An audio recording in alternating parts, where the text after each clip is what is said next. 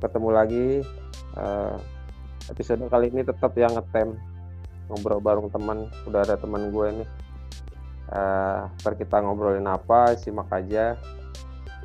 Teman gue nih panggil aja dengan melati gitu. Halah asik. Om D ya Om D ya? Om D aja Om D Om D. Siap siap jadi kan katanya kalau kondisi pandemi gini COVID berhubungan dengan segala hal ya Om ya? Apa tuh B? Kalau udah kerja gimana pandangannya dari Om D sendiri? Emang apa? sesuatu begitu yang mempengaruhi di dalam pekerja COVID ini? Apanya yang dipengaruhi gitu? Oh, kalau ini, oh oke, okay. gini bu, ya Mungkin jadi begini sama teman-teman.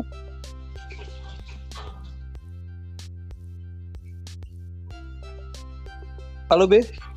Iya, mungkin bisa di-share sama teman-teman kondisi uh, pandemi COVID ini apa aja yang dirasain uh, di pekerjaan apakah semangatnya atau apa sulitnya apa yang lain gitu. Oke baik. Gini B ini uh, gua uh, bicara berdasarkan apa yang gua alami aja ya. Ya mungkin nanti teman-teman di sana kan punya uh, pengalaman sendiri-sendiri nih dari pekerjaannya masing-masing. Kan banyak yang profesinya mungkin uh, ada sebagai guru ya kan analis atau uh, apa uh, tentara polisi gitu kan mereka punya uh, profesi masing-masing mungkin punya pengalaman yang berbeda-beda bi. Ya bukan uh, uh, begitulah. Jadi kalau gue sendiri sih gue lihat ini uh, covid ini ya udah terjadi ya bi pertama begitu. Ya kan? Uh, dan korban juga udah ada gitu loh. Dan kita nggak bisa menghindar dengan yang namanya COVID. Jadi uh, awal-awal sih uh, terus terang gue sendiri uh, down dengan adanya wabah ini gitu. Jadi uh, agak lucu sih B kalau mau ngelihat dari sebelumnya ke belakang ya.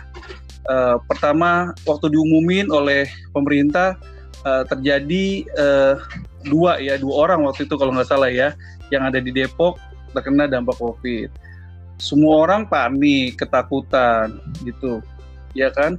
Uh, ketakutan, panik, beli sesuatu, beli ya semuanya dibelilah, diborong buat proteksi dirinya masing-masing tentunya dan keluarganya gitu.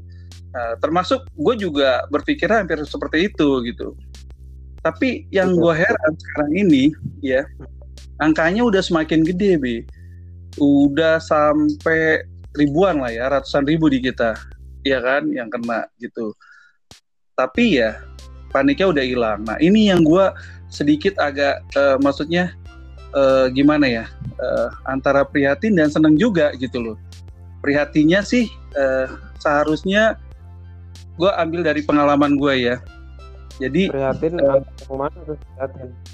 Baru gimana bi apa? Prihatin anak geng. Nah. apa apa? Prihatin prihatin. Enggak, sinyalnya jelek nih, Be. Gue nggak nggak nggak dengar ngomong apa. Iya. Oke, prihatin. Oke, lanjut ya. Jadi begini. Jadi gini, Be. Uh, apa dari satu sisi gue senang gitu loh masyarakat kita tuh udah mulai berani untuk uh, keluar rumah dan mulai memikirkan uh, apa kesejahteraan keluarganya lah ya jadi uh, mereka harus memenuhi kebutuhan keluarganya harus uh, cari uh, apa maksudnya makan lah ya untuk keluarganya gitu. Dan di sisi yang lainnya juga gitu. Uh, mungkin sama kayak gue takut juga bi gitu loh. Takut juga. Ya kan soalnya penyakit ini kan nggak main-main be ya kan begitu kena diserang ada dua kemungkinan gitu loh. Bisa sembuh cepat kalau imunnya bagus atau ya langsung hilang gitu loh maksudnya dipanggil Tuhan ya kan Nah, dan yang paling pasti juga bisa menularkan ke orang-orang terdekat kita itu ya. Nah, itu dia, Bi. Itu. Tapi kalau gue lihat dari sisi pandang gue ya, Bi, waktu pertama kali itu terjadi, ya itu awalnya sempat kita drop. Maksudnya gue sendiri down gitu loh. Ini bagaimana dengan pekerjaan gue ke depan, ya kan? Terus uh, apakah bisa lanjut? Gitu loh? Karena uh, wabah ini tuh pengaruhnya bukan hanya di lokal, tapi global. Sementara bisnis itu kan kita kan bukan hanya di satu di satu maksudnya di satu area aja kan bi? Banyak kan cangkupannya banyak segala macam dan yang kena dampak juga pasti banyak. Nah, tapi ya gue nggak mau tinggal diam bi dengan dengan keadaan seperti itu. Jadi ya uh, semua yang di eh, di ya gue sempat dengar berita apa yang dibilang oleh Pak Di Jokowi kita harus semangat kerja eh, tiga kali lipat dari yang biasanya. Itu ternyata benar bi. Kita ya. harus lakukan itu. Jadi bukan jadi, double lagi. Uh, uh, harus triple gitu. sempat menurun ya? Kenapa? Kerjanya dulu sempat menurun waktu sempat awal. betul sekali. Menurun sekali Iya betul karena gini bi uh, kejadian ini itu uh, strategi perusahaan juga akhirnya merubah pandangannya, Bi. Yang tadinya sudah direncanakan seperti ini dengan adanya ini rubah dan kebijakannya juga akhirnya berubah. Nah, ke perubahan kebijakan ini kan mempengaruhi dari kinerja akhirnya kan, Bi. Ya, apalagi gue sebagai marketing nih, Bi. Ya kan marketing itu kan lu tahu sendiri yang dilihat adalah angka. Bener kan? Jadi ah kenapa? Iya. Jadi yang dilihat adalah ini. Kalau gimana Om D nih? Sekarang udah mulai menemukan kembali ritme semangat kerjanya. Apakah masih uh, menyusun lagi atau sudah sudah menemukan kembali gitu seperti dulu gitu semangat kerjanya? Ya, uh, semangat kerja sudah kembali normal. Jadi sudah uh, seperti sedia kala, tapi cara kerjanya berbeda, Bi. Cara berbeda. kerjanya beda. Ya, betul. Yang tadinya kalau normal, ya, misalkan normal kan ada jam kerja tuh ya. Jam kerjanya misalkan kita masuk jam 8, pulang jam 5, mungkin overtime sampai dengan jam uh, eh, 8 gitu atau jam 7. Nah, kalau di pandemi ini itu kita dua kali lipat dari itu, Bi waktunya sama tapi cara kerjanya dua sampai tiga kali lipat yang kita lakukan. Contohnya begini, B. Ya. Yang yang tadinya pekerjaan itu itu bisa diselesaikan eh, apa dengan waktu dua atau tiga uh, dua sorry uh, satu atau dua bulan nah sekarang bisa sampai empat bulan gitu bahkan lima bulan jadi molor oh gitu iya jadi kan gue punya kliennya bi klien gue ini kan butuh di follow up. Yang biasanya follow up ini bisa satu atau dua bulan langsung closing, tapi sekarang udah enggak.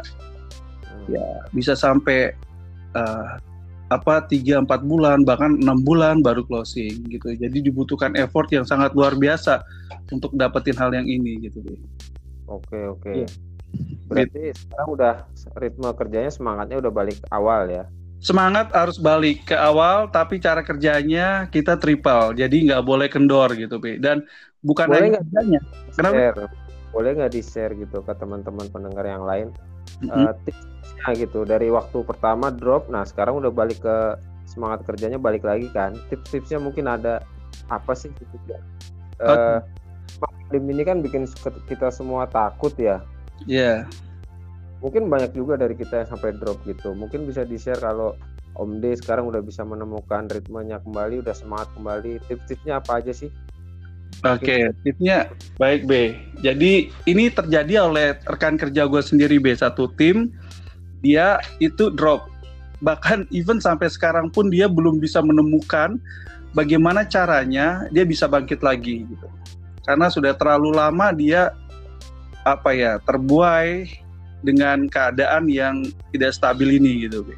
Dan Jadi juga mungkin khawatir ya. Betul. Betul, betul. Tipsnya pertama gini, Bri. Ya, kita kan orang beragama ya, punya Tuhan kan. Of course lah ya. Iya enggak, Betul. Ya, lu punya Tuhan kan, sama gue juga punya. Oke, okay. jadi pertama kita harus berserah dulu be ke Tuhan. Itu kuncinya. Kalau gue itu. Yang kedua ya, uh, gue lakukan pekerjaan ini ya semata-mata bukan hanya buat diri gue, tapi ada keluarga gue yang harus gue cukupi kebutuhannya. Itu. Jadi gue punya semangat. Apa ya? Oh iya betul. Iya, jadi gue gua harus men-challenge diri gue untuk bekerja lebih giat lagi. Nah, yang kedua B, jangan kelamaan di rumah.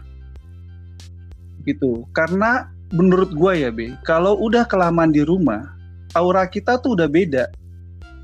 Beda banget. Kan orang bisa ke, eh, gini, pada dasarnya nggak tahu ya orang-orang kita tuh belum biasa B kerja di rumah gitu loh.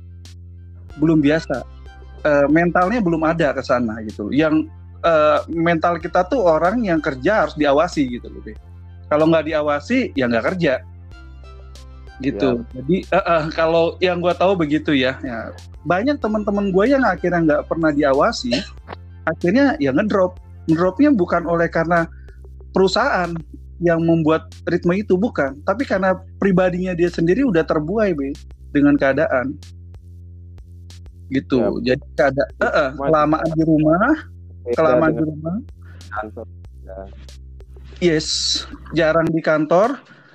Ya, jadi ritme kerjanya udah hancur, cara kerjanya dia juga akhirnya sudah males-malesan.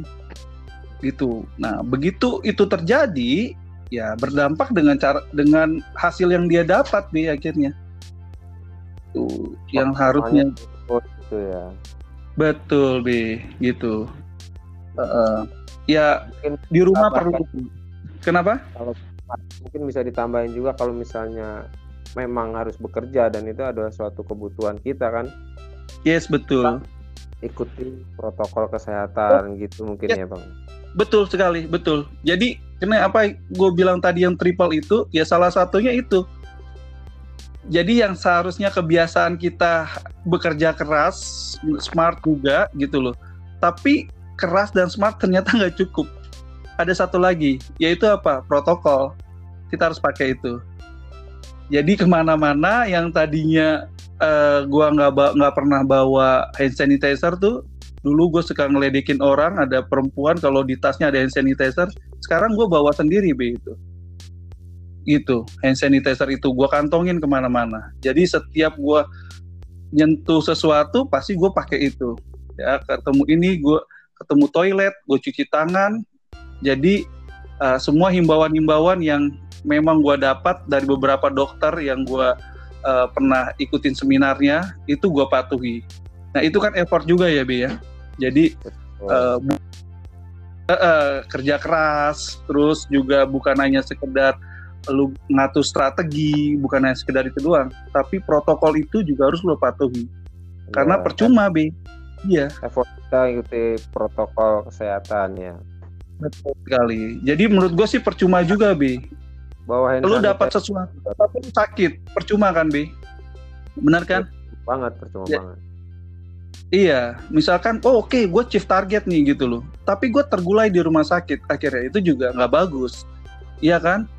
gitu gue nggak tergulai di rumah sakit tapi gue nggak chief target itu juga nggak bagus be benar kan nah jadi ya caranya gitu harus triple kerja kerasnya iya harus gitu. selalu pakai masker jaga jarak yeah. cuci tangan betul sekali asal jangan wastafelnya yang dibawa-bawa bang ya yang bawa iya.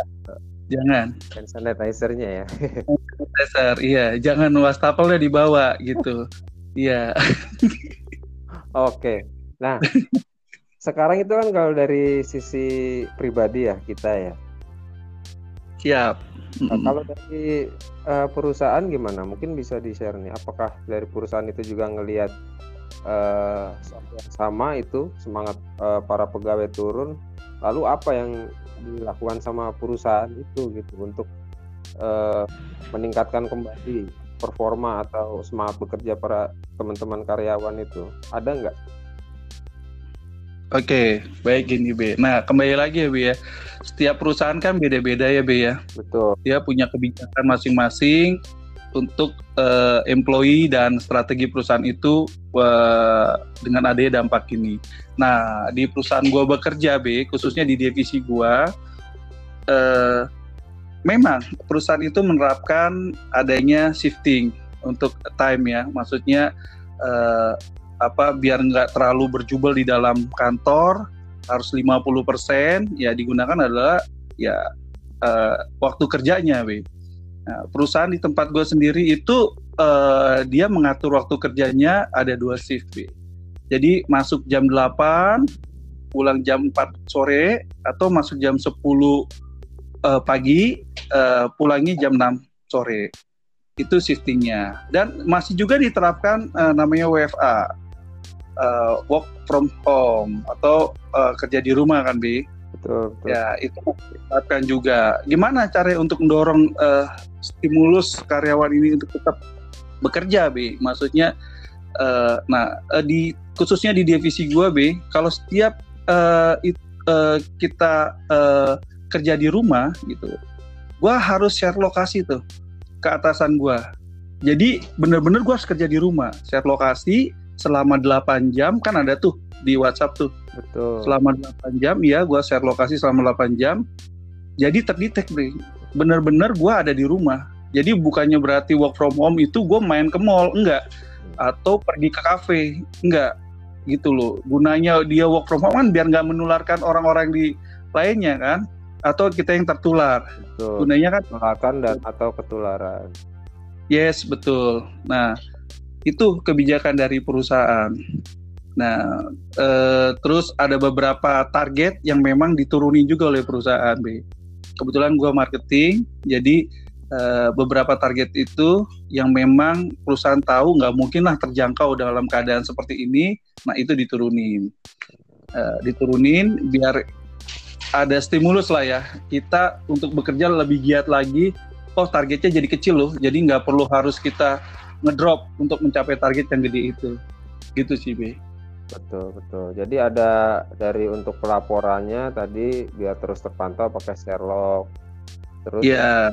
apa salah satu untuk uh, mencapai target dan juga sebagai semangat mungkin karena memang uh, mm -hmm. tantangannya banyak ya work from home itu. Jadi tadi betul. direvisi ya target-targetnya ya. Betul, betul, betul. Jadi walaupun kerja di rumah, tapi kadang ada lucunya loh, Bri. Kerja di rumah itu, Bri. Apa tuh? Ya, biasanya gini ya. Gue seneng. Ya. Jadi gini, biasanya itu kan kita kerja kan ya ada waktu kerja ya Be kalau di kantor kan dari jam segini sampai jam segini. Nah kalau work from home Be itu waktu kerja di kantornya hampir kayak nggak ada gitu Be. Jadi kadang ditelepon jam 10 malam untuk kerjaan gitu uh, untuk kirim email, kadang ditelepon, ya pokoknya di luar jam kerja gitu loh untuk melakukan uh, maksudnya semacam ini ya uh, transaksi atau uh, dengan klien gitu, email-emailan dengan klien. Jadi memang ada lucunya sih gitu. Jadi, Jadi karena klien juga di sana kerjanya 24 jam malah kayak ya. Iya 24 jam. karena klien juga di sana 24 jam gitu. Jadi ya udah kita samain aja gitu be ya dibikin senang aja lah be iya iya. Gitu. Terus kalau uh, ngomongin kita bekerja secara remote ya maksudnya kayak work from home gitu kan mm-hmm. itu ada aplikasi ya atau dari sisi teknologi informasi. Ada yang baru mm-hmm. yang dipakai dalam mendukung pekerjaan kalau di perusahaannya Om D gitu yang untuk okay. perusahaan itu apakah masih tetap pakai cara-cara yang dulu atau mungkin sekarang ada uh, cara kerja yang baru dalam mencapai target itu gitu misalnya penggunaan uh, teknologi informasi yang yang sebelumnya itu nggak nggak nggak pernah dipakai dulu gitu. Oke, okay. ya baik B. Uh, itu uh, mungkin semua orang udah pakai B yang namanya Zoom meeting gitu kan. Itu salah satunya juga yang dipakai buat oh, uh, iya Zoom. Nah, uh, terus uh, teknologi kalau buat di pekerjaan gue, Bi, itu uh, kita lebih ke service sih. Service buat klien. Jadi gue ambil contoh aja ya, bukan jualan nih uh, perusahaan gue nih. Jadi uh, kalau karena gue di bidang asuransi, ya kan.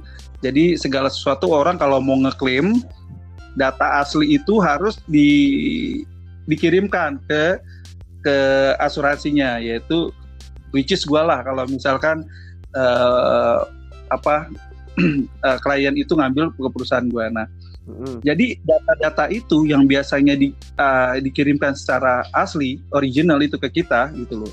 Nah sekarang udah enggak be, gitu. Jadi uh, maksudnya bukannya nggak asli ya, tetap asli, tapi modelnya sekarang bisa dikirimkan melalui soft copy-nya be. Jadi di foto, fotonya itu bisa dikirim ke ke gua gitu, ke kantor asuransi di tempat gua. Nah nanti langsung kita proses klaimnya dan uh, kita jalankan juga dengan cepat gitu Be. Jadi yang dulunya masih konvensional, sekarang udah enggak. Ya, udah mulai berubah lah ya dengan pandemi. Udah mulai berubah, betul sekali. Memudahkan kedua belah pihak ya, dari customer sendiri lebih gampang, dari uh, kita sendiri juga lebih mudah gitu ya. Betul, betul. Ya, intinya kita menghindari namanya komplain sih, Bri. Iya, iya. Gitu. Dan ya. kalau untuk internal perusahaan mungkin tadi bukan meeting lewat Zoom gitu ya. Betul. Meeting lewat Zoom. Uh, selebihnya sih hanya standar ya, Bi ya. Karena kan kalau kita bawa laptop kan kita bisa pakai WiFi, email-emailan, ya itu standar sih. Oh. Selebihnya. Senang juga sih uh, dengar uh, teman gitu yang kita dalam kondisi begini sudah bisa mulai mulai mendapatkan semangat kerjanya lagi. Ya, B, betul sekali. Jadi eh, apa ya? Nggak ada cara lain, B, selain eh, apa ya semangat untuk kita bekerja. Karena kalau nggak semangat, ya bagaimana lu bisa? Kalau menurut gue ya, bagaimana lu bisa maju gitu loh toh nggak ada pandemi ini pun kita harus semangat juga kan ya cuma semangatnya ya itu tadi gue bilang harus triple untuk melawan ini dan gue yakin sih B ya uh, apa hal ini pasti akan berlalu lah ya kan ya. nah di mana hal ini akan berlalu ya gue senang aja B gitu loh mental gue udah teruji dengan ada yang kayak gini-gini